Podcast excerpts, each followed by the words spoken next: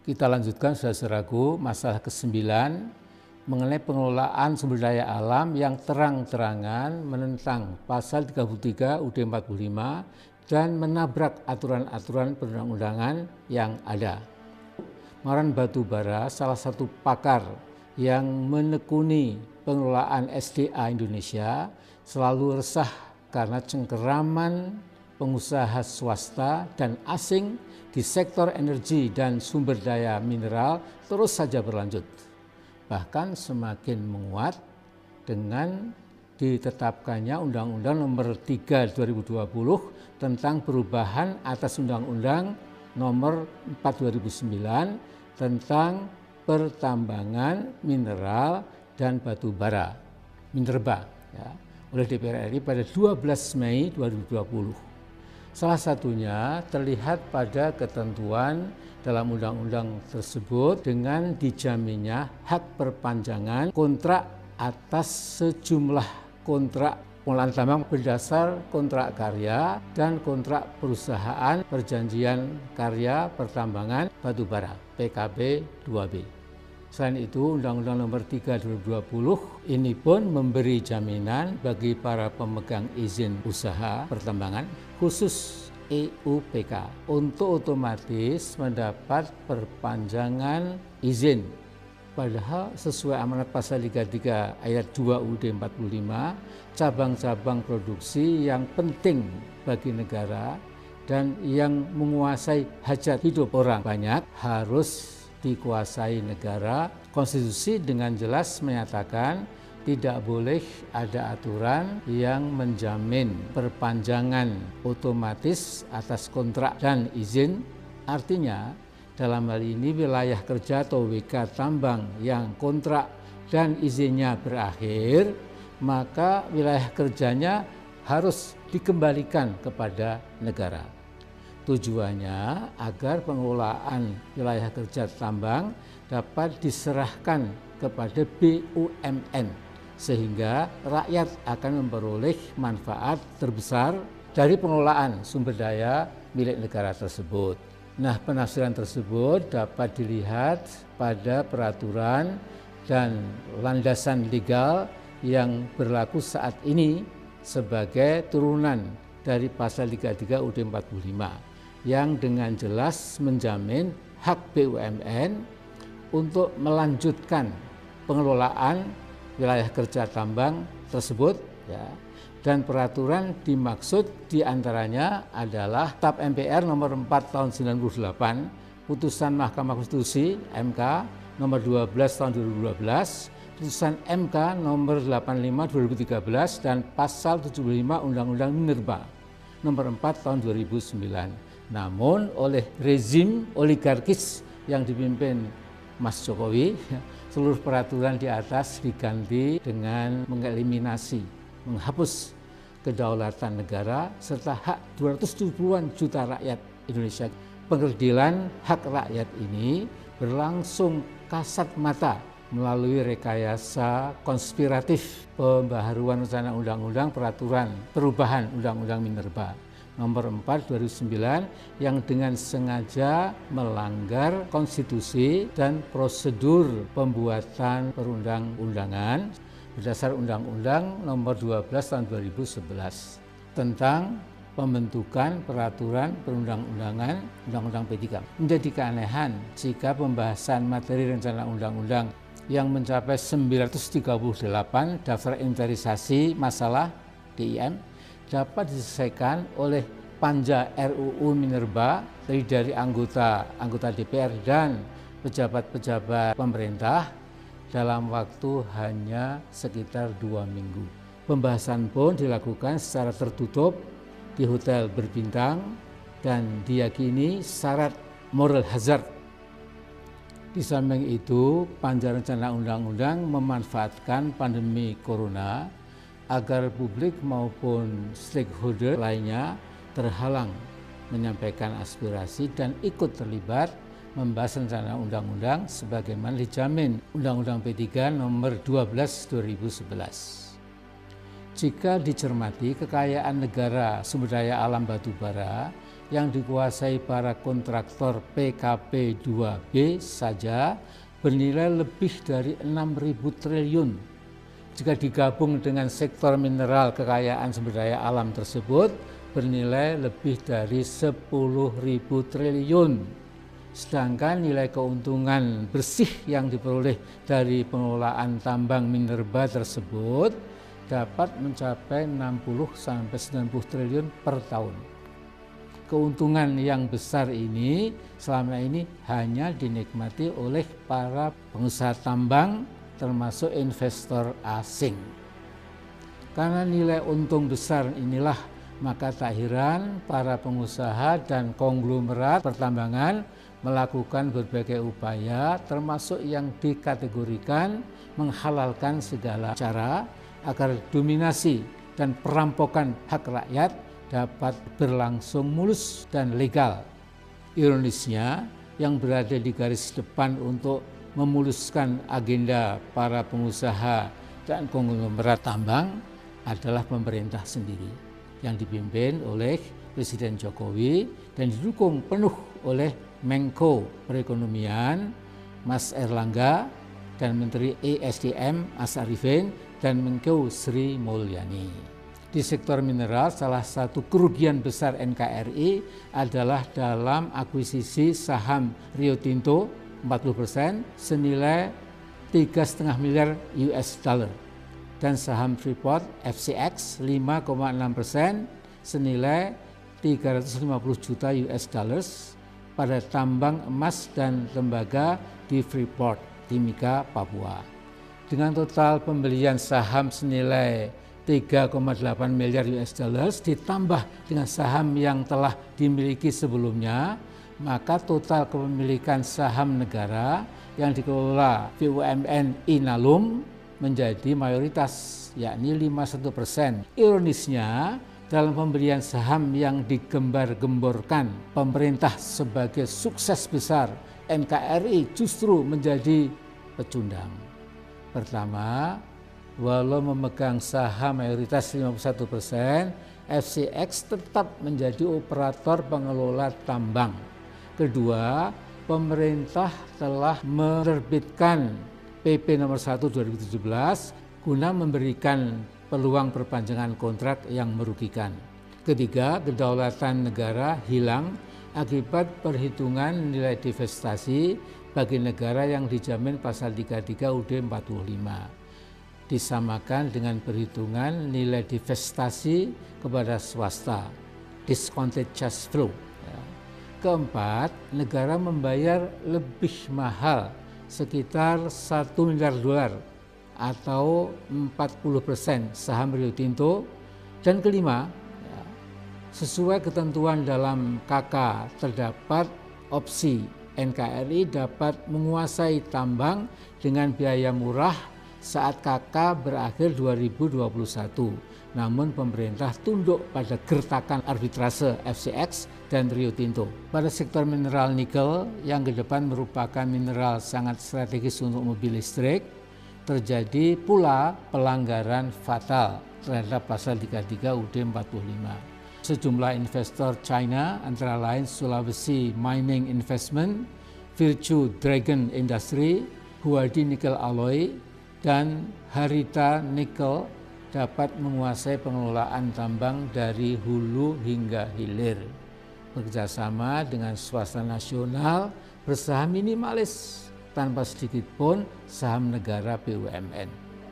Pada beberapa proyek, si asing Cina dapat menambang dan membangun smelter di Sulawesi Tengah dan Sulawesi Tenggara menggunakan produk dan TKA Cina sehingga akan memberi keuntungan sangat besar bagi asing dibandingkan NKRI sebagai pemilik SDA.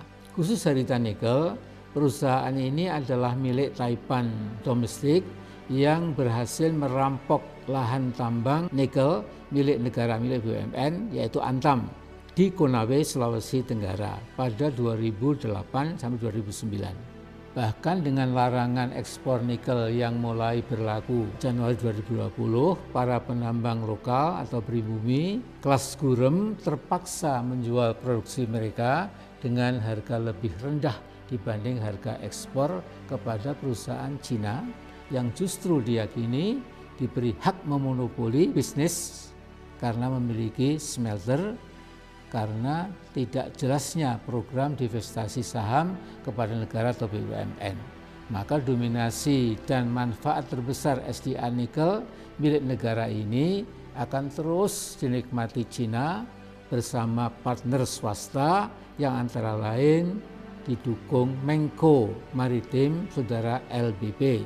Berpuluh-puluh tahun ke depan NKRI boleh punya SDA nikel namun penikmat terbesar SDA adalah Cina dan segelintir pengusaha yang didukung penguasa oligarkis. Mereka adalah pembangkang Undang-Undang Dasar 1945. Di sektor migas BUMN seperti Pertamina atau PGN yang tergabung dalam holding BUMN migas juga terjadi hal-hal berpotensi merugikan negara hal prinsip terjadi privatisasi atau pengalihan saham negara pada anak usaha Pertamina yaitu Pertagas kepada PGN. Kebijakan ini merupakan IPO terselubung yang lebih banyak menguntungkan pihak swasta dan investor asing pemegang saham PGN dibanding negara atau Pertamina yang kehilangan salah satu mata rantai bisnis strategisnya. Kebijakan populis Jokowi yang syarat pencitraan politik guna memenangkan Pilpres 2019 juga telah merugikan Pertamina.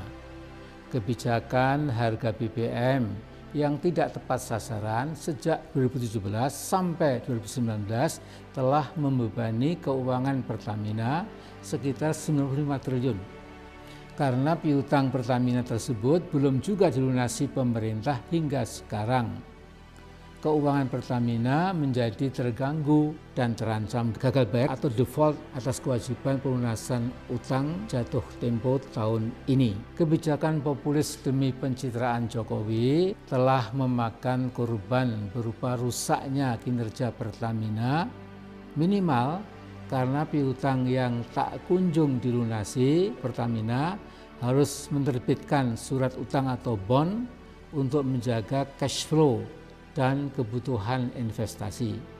Pertamina rugi triliunan akibat harus membayar bunga utang di mana utang tersebut terpaksa dibuat akibat kebijakan pemerintahan Pak Jokowi ya yang menjadikan Pertamina sebagai sapi perah untuk pencitraannya. Selain itu, rakyat pun ikut merugi karena tidak memperoleh kesempatan menikmati harga BBM yang lebih murah sebagai akibat turunnya harga minyak dunia. Pemerintahan Jokowi mengatakan harga BBM tidak turun guna membantu keuangan Pertamina dan karena harga minyak masih bergejolak.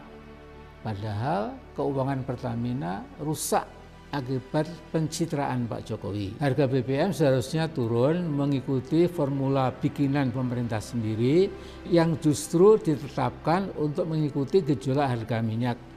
Tetapi tidak diturunkan sebagai korban kebijakan Jokowi, konsumen BBM Indonesia selama April Juni 2020 dirugikan sekitar 18 triliun. Dalam periode kedua, pemerintahan kabinet Jokowi gencar untuk apa? Mengkampanyekan rencana penjualan saham anak-anak usaha Pertamina melalui program IPO, National Public Offering. Dikatakan IPO perlu dilakukan melalui penjualan subholding Pertamina untuk memperoleh dana murah. Padahal mekanisme IPO merupakan agenda investor kapitalis liberal untuk apa? Untuk meraih untung dari bisnis BUMN. Di sisi lain, bidang usaha Pertamina merupakan sektor bisnis strategis dan menyangkut hajat hidup orang banyak sesuai pasal 33 UD 45 yang mestinya dikelola secara penuh 100% oleh BUMN. Saat ini Kementerian BUMN dan Pertamina sedang mengolah dan menganalisis anak-anak usaha dan subholding korporat yang akan diipokan, diprivatisasikan mengikuti skema unbundling. Melalui skema ini agar investor tertarik maka akan dipilih anak-anak usaha yang menguntungkan dan mempunyai prospek bisnis yang baik untuk diipokan. Padahal dengan skema unbundling tersebut akan timbul dua masalah besar. Pertama, nilai produk yang harus dibayar konsumen menjadi lebih tinggi. Kedua, keuntungan Pertamina sebagai induk holding akan semakin turun karena sebagai induk holding Pertamina tinggal mengelola anak-anak perusahaan yang kurang menguntungkan atau yang merugi.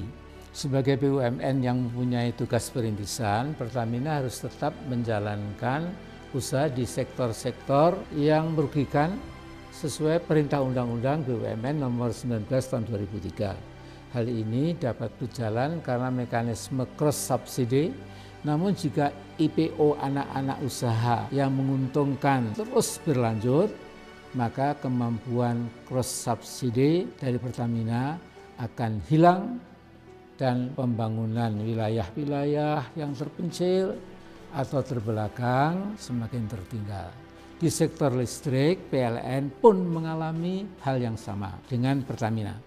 Untuk kepentingan pencitraan Jokowi, pada 2018-2019 PLN harus menanggung beban subsidi listrik yang menjadi kewajiban pemerintah sekitar 48 triliun. Kondisi APBN 2020 yang semakin terbebani utang akibat defisit hingga 1.120 triliun telah menjadikan pelunasan utang ke PLN semakin sulit dilakukan. Nah, karena itu akibat kebijakan Jokowi, keuangan PLN bermasalah dan beban utang rakyat akibat defisit yang membengkak semakin bertambah. Di samping akibat kebijakan subsidi listrik yang tidak tepat sasaran, potensi bangkrutnya PLN dapat pula dipicu oleh kebijakan ambisius bernuansa oligarkis pemerintah. Mengapa mereka ingin membangun proyek pembangkitan listrik 35.000 megawatt meskipun sebagian 70 persen pembangkit dibangun swasta, PLN tetap harus membangun pembangkit sisanya 30 persen ditambah sarana transmisi, gardu-gardu listrik dan sarana distribusi yang biayanya sangat besar. Untuk itu PLN harus berutang sekitar 100 triliun setiap tahun dan telah terakumulasi menjadi lebih dari 500 triliun rupiah hingga saat ini. Ternyata karena didasari kesalahan perencanaan dan ambisi besar bernuansa oligarkis, pertumbuhan konsumsi listrik dalam tiga tahun terakhir tidak seperti yang direncanakan semula. Hal ini pun ikut mengganggu keuangan. Ekonom Faisal Basri mengatakan PLN akan bangkrut dalam beberapa bulan ke depan jika pemerintah tak segera melunasi utang. Dan jika hal ini terjadi, maka tingkat kepercayaan terhadap pemerintah akan turun. Di samping itu yang lebih fatal adalah tidak berlanjutnya pelayanan PLN yang dapat menjadi alasan masuknya swasta mengelola sektor listrik negara. Nah jika itu terjadi di samping melanggar konstitusi, rakyat pun akan dibebani tarif listrik yang akan lebih mahal.